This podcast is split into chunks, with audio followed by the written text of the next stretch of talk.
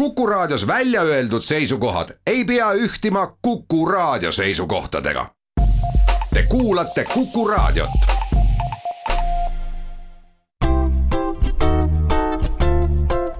patsiendiminutid, Patsiendiminutid toob teieni Eesti Patsientide Liit tere, head Kuku kuulajad! eetris on Patsiendiminutid ja mina olen Kadri Tammepuu. me lindistame saate enne pühi ette, aga eetrisse jõuab saade reedel. Vaiksele nädalale kohaselt räägime seekord ka meie elu vaimsest poolest ja teisel pool liinil on ootel Põhja-Eesti Regionaalhaigla kaplan ehk haiglapastor ja hingehoidja Katri Aaslav-Teppandi. tere tulemast saatesse, Katri! jaa, tere tulemast! mullu aasta alguses alustas Sotsiaalministeeriumi juures tööd kaplanaat, mille töös teie ka kaasa lööte. ja kaplanaat sai toona ülesandeks luua selline hingehoiusüsteem meditsiini- ja hoolekandeasutustes. rääkige palun natukene lähemalt, et kuidas siiani on läinud, mis on juba valmis tehtud ja mis ootab tegemist? valmis ei ole midagi veel tehtud, aga, aga kõik on pooleli ja heas mõttes pooleli, et eelmine aasta saime riigi toel viieteistkümnesse suuremasse Eesti hooldekodusse saata hingehoidjad, kaplanid hingehoiutööd tegema ja nüüd seoses pandeemia ja selle kriisiolukorraga saame loodetavasti veel kahekümne viiesse hooldekodusse hingehoidjad ja kaplanid teenima. ja see on nüüd selline tõesti riigipoolne vaimse tervise toetamise kava, me oleme osa sellest vaimse tervise programmist, mis siis praegu on sotsiaalkaitseministri eestvõttel tegemisel. nii et ma ise kuulun ka sellesse staapi, nii et, et meie töö on praegu nagu kogu tervikus, et see hingehoid on muutunud meie hingehoidjate ja, ja pastorite ja, ja kes me töötame haiglates või hooldekodudes, mitte meie jaoks ei ole ta muutunud nähtavamaks ühiskonnas, aga et ka riigi jaoks ja see on hästi oluline, et meil on ressurss olemas, hingehoidu õpitakse nii kõrghariduse esimese astme kui ka siis magistritasemel Usuteaduse Instituudis ja hakatakse õpetama kindlasti ka veel teistes kõrgkoolides, geoloogilised kõrgkoolid. see on meie jaoks hästi suur edasiminek ja just see ka, et et riik on hakanud tähelepanu pöörama inimeste vaimsele tervisele, et, et haavatavad inimesed, et, et, et nad vajavad peale materiaalse ja sotsiaalse toega hingelist tuge ja see, ütleme, hingehoid ja kogu see psühholoogiline tugi, psühhiaatriline tugi, et see on üks tervik, et, et see, selle üle mina rõõmustan praegu vaata et iga päev. kas te oskaksite hästi lihtsalt kuulajale selgitada, mis on psühholoogi ja hingehoidja vahe? kui me vaatame inimese poole pealt, kes on hädas, kelle hing on haige või kellel on tõesti väga suured elukriisid raskused, haigused, siis vast nii olulist inimese poolt vaadatuna ja kriisi ja, ja, ja leina poolt vaadatuna, vast see vahe ei ole nii suur, mida inimene saab sellest abist. igasugune aitamine on ju inimese toimetuleku toetamine ja hingeline toimetulek, see mõjutab ju ka kogu muud toimetulekut, inimese hakkamasaamist elu kõige igapäevasemate ülesannetega. aga kui me räägime hingehoiust, ja hingehoiumeetoditest, siis vast selline põhiline erinevus on psühholoogilisest, ütleme siis meetoditest ja, ja, ja ettevalmistusest, et meie hingehoidjad lähtume pühakirjast ja lähtume teoloogiast, me lähtume kristlikust usust, mille kohaselt inimene on ihu, hing ja vaim ühes tervikus. nii et, et inimese kehaline tervis ja psüühiline tervis on seotud ka tema hingelise ehk tema vaimumaailmaga või siis teistpidi spiritualiteediga, usuga. inimene usub midagi, inimene usub alati midagi, me usume seda, mis on meie jõudu andvad asjad elus. noh, me usume ka seda, et me saame sellest koroonast jagu, noh, see on ka usk ja meil on lootus. aga kui me räägime religioossest plaanist, siis inimene on uskuv olend. on see siis kristlik, on see moslem, on see budist, on see agnostik, on see maausuline loodususuline, et ühesõnaga me toetame inimese eluga hakkama saamist läbi elu kõige sügavamate usuliste ja eksistentsiaalsete küsimuste, elu mõtte küsimuste, et kui selle saab inimene endale teadvustatud, saab lahti räägitud, saab lahti mõtestatud, siis igasugune kannatus, igasugune raskus elus on ületatav ka sellise hingejõuga. me ei saa kannatusi ära võtta elust. See elu on. paljude raskuste ja ülesannete kogum, rõõmude ja lootuste ja õnnehetkede kõrval me peame ka sellega arvestama, et me ei ole kaitstud. aga et, et meile on vaja ka hingelist tuge, kuidas neist välja tulla, kuidas edasi minna, kuidas edasi elada.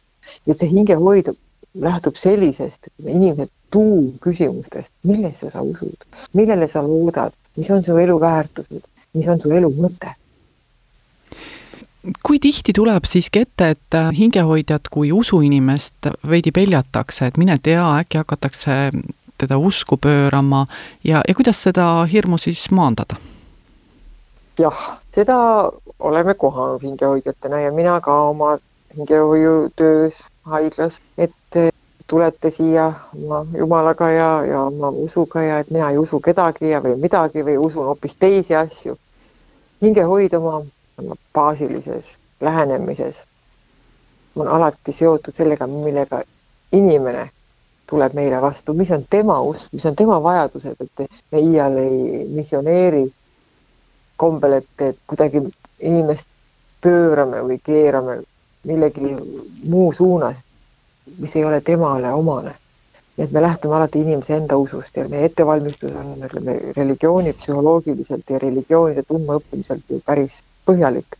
et me võime olla inimesele toeks ja teda ära kuulata või mõista, püüame mõista teda ka selles usus, mis meie, see ei ole meie usk, noh, meie usk, meie lähtealus on kristlik aga me mõistame kõiki inimese usundeid, mis on inimesele vajalikud, mis on teda aidanud, mis teda edasi viivad elus nii et kui inimene on puukallistaja, siis äh, las ta olla, aga tegelikult need äh, elu põhiküsimused on samad. just nimelt ja puukallistaja või kristalli äh, padja all hoidja või ja, ja on tihti olnud ka haiglas ju kogemusi, kuidas inimene ütleb, aga teate, ma ei usu seda jumalat, keda teie usute. noh, ma ütlen, milline see minu jumal siis on, no see, kes seal pilve peal on, ütleb, et meie jumal ei ole pilve pealgi. meie jumal on igal pool inimese südames, hinges, kõiksuses. Ja siis ta ütleb, aga see on nii sarnane minu usuga, et jumal on kõiksuses. ma ütlen, aga et kuidas me nimetame, me nimetame oma jumalaid või jumalat erinevate nimedega, aga kokku me jõuame ikkagi selleni, et on keegi, kes on üle selle materiaalse maailma, kes on noh, nii-öelda see algpõhjus või see, kuhu meie maa peale pilk ei ulatu, mis on seal teisel pool. inimene näitab mulle padja alla kristalle või, või kivikesi ja, ja annavad talle jõudu. Ja mina usun, et kui tema usub, et need annavad talle jõudu, siis need annavadki jõudu. Kuidas te inimesele seletate, mis mõte on sellistel väga rasketel füüsilistel või hingelistel kannatustel? mina ei seleta, mina ei oska eh, seletada, aga mida ma saan aidata inimesel, et inimene ise leiab selle mõtte. Ja kas füüsilisel kannatusel saabki üldse olla mõte üleüldse, et kannatamine kui selline, et aga kui inimene ise on kannatuses ja kui me ka mõtleme igaüks oma elu peale ja mina oma elu peale, kui on rasked ajad olnud, et kui me sellest välja tuleme ja läbi tuleme, et me oleme ühe kogemuse võrra targemad, me õpime, elu on õppetund, elu on uute ülesannete lahendamise, täitmise õppetund ja me inimesena võime kasvada raskustes. me hakkame mõistma elu terviklikult, me hakkame mõistma teisi inimesi enda raskustes. hingehoius tihti on ju need, kes on tulnud hingehoiu juurde, kas õppima või, või siis ka hingehoiu tööd tegema haiglatesse, hooldekodudesse, on tihti ise midagi elus kogenud väga tõsist ja on sellest tulnud välja ja on leidnud jõu ja tahavad oma kogemust jagada, tahavad olla abiks nendele inimestele, kes on raskustes, on nad siis haiged, on mingi katastroof, mingi õnnetus või on see ka, ka mingi peresuhte raskused, on lahutus, lahutus. On väga raske sündmus inimese elus ja, ja tee inimese juurde ei ole kindlasti meie poolt ära seletamine, et, et sa saad sellepärast ja sellepärast ja, ja, veidi teoloogiliste lausete, usulausete ütlemine, et pigem me aitame inimesel endal, endal leida see pind jalga alla. mida tema sellest praegusest olukorrast taipab, õpib, mis teda puudutab selles olukorras. teeme siinkohal väikese pausi. patsiendiminutid. patsiendiminutid toob teieni Eesti Patsientide Liit patsiendiminutite saatekülaline on hingehoidja Katri Aaslav-Tepandi kui me räägime lahutamisest või lahtilaskmisest, äh, siis mingil hetkel seisab inimene ikkagi surmalävepakul. ja nüüd koroona ajal tuli tihti ilma lähedasteta see saatuse löök vastu võtta. kuidas saab inimest äh, lootusetuse ja hirmuga elu lõplikkusest aidata? on ju ka kaks äh, erinevat hirmu. hirm enda pärast oma suremise ees ja hirm oma lähedase surma ees. kui inimene hakkab elust lahkuma ja ta teab seda, et, et aeg maa peal on, on lühikene, et seda ei ole enam kauaks. et kui inimene saab rääkida ja ta on meie juures veel mõttega ja, ja tunnetega, siis tihti aitab just see inimest, et ta saab rääkida oma hirmust ta saab rääkida oma igatsustest, elust, oma eluloost.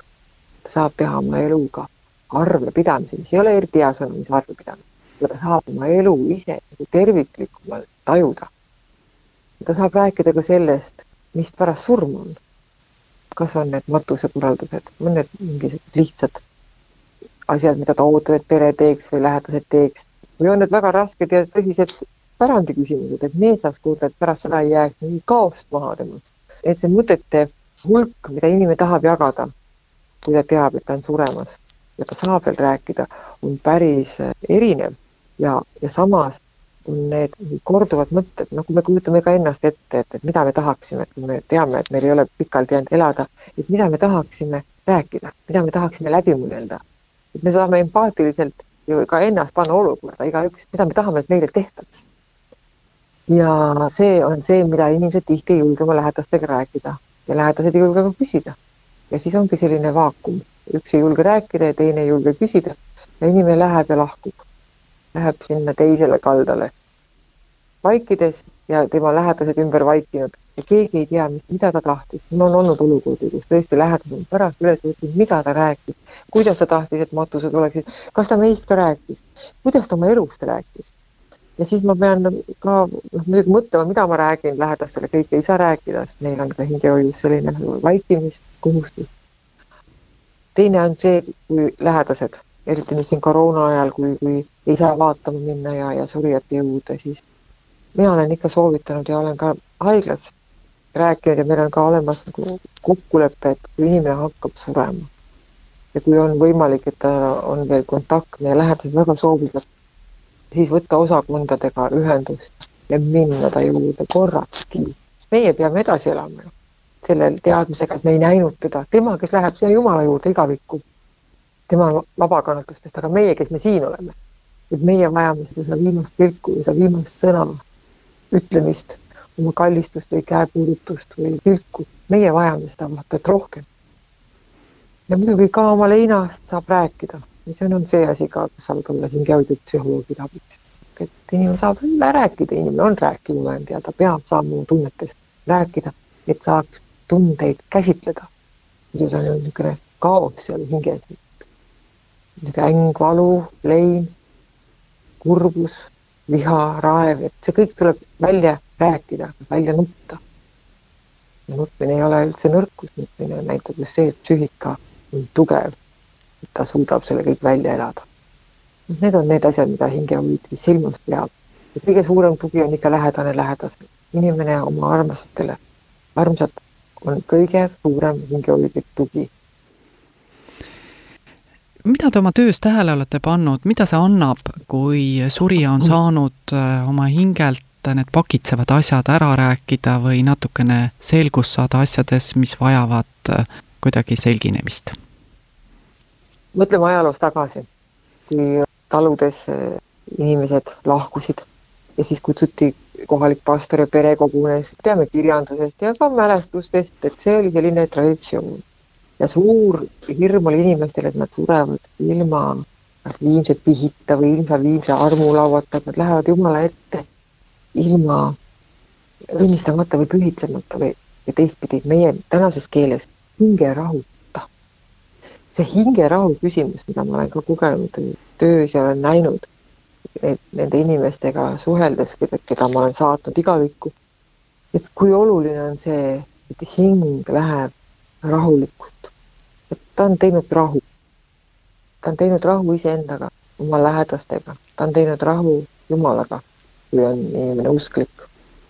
ta on teinud rahu kõigega ja ka leppinud sellega, et meil kõigil on ühel päeval see aeg, see on see, mida me tihti alles siis meenutame või tunnetame või teadvustame, kui mingi eluraskus või keegi meie lähedastest on raskelt haige.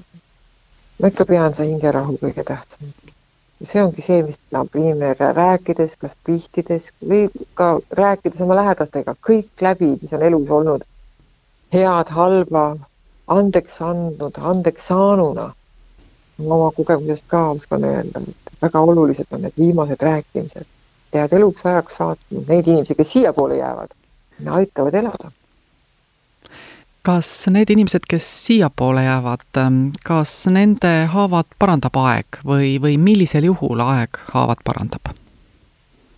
tuli välja üks väga oluline raamat, äh, Nathan Haamer, hingehoiu põllul vanimaid töötegijaid, ikka mitukümmend aastat olnud kriisi, leina nõustaja, pereterapeut, ja hingehoidja ja tema kirjutas raamatu Hästi hoolitsetud haavad parandab aeg.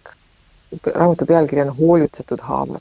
see tähendab seda, et, et, et inimesel võtab aega oma leinad, oma valud läbi elada. kõik kannatused läbi mõtestada. et nad muutuksid elukogemuseks, üheks osaks elust. ja kui haavad on läbi mõtestatud, läbi teadvustatud, kogetud nagu kristalliseerunud ka selliseks kirkamaks elukogemuseks, mida võib isegi mõelda nagu tänutundeks, et on olnud selline kogemus, nagu tänutundeks, et on olnud need inimesed, kellega on olnud väga kaunid hetked, palju rõõmu. see on see hetk, kus tõesti võib öelda, et aeg parandab haavud, aga kuna haavu, mis ei paranda aeg, millegipärast on jäänud kinni kuskile see lein, see valu on ta kibeduseks muutunud, on ta muutunud psühhosomaatiliseks, lihtsalt vaeguseks, on ta muutunud depressiooniks, masenduseks, et siis on tõesti juba vaja nagu rohkem abi, on vaja juba, kus jäävad ka psühholoogi ja hingehoidja käed lühikeseks, on vaja psühhiaatrilist abi. miks ma mõtlen, see koroonaaeg on praegu erakordselt raske, sest me praegu ei näe veel neid tulemusi, mida see kriisiaasta meil tulevikus võib tuua. Ja meie ülesanne ongi neid haavu praegu juba praegu hakata ravima, et elu saaks edasi minna ja uus rõõm ellu tuleks kogu meie Eesti rahvale. suur aitäh, hingehoidja Katri Aaslav-Tepandi selle jutuajamise eest. täname kõiki kuulajaid ja soovime rahulikke pühi. kuuleme taas järgmisel nädalal ja seniks olgem terved. patsiendiminutid. Patsiendiminutid toob teieni Eesti Patsientide Liit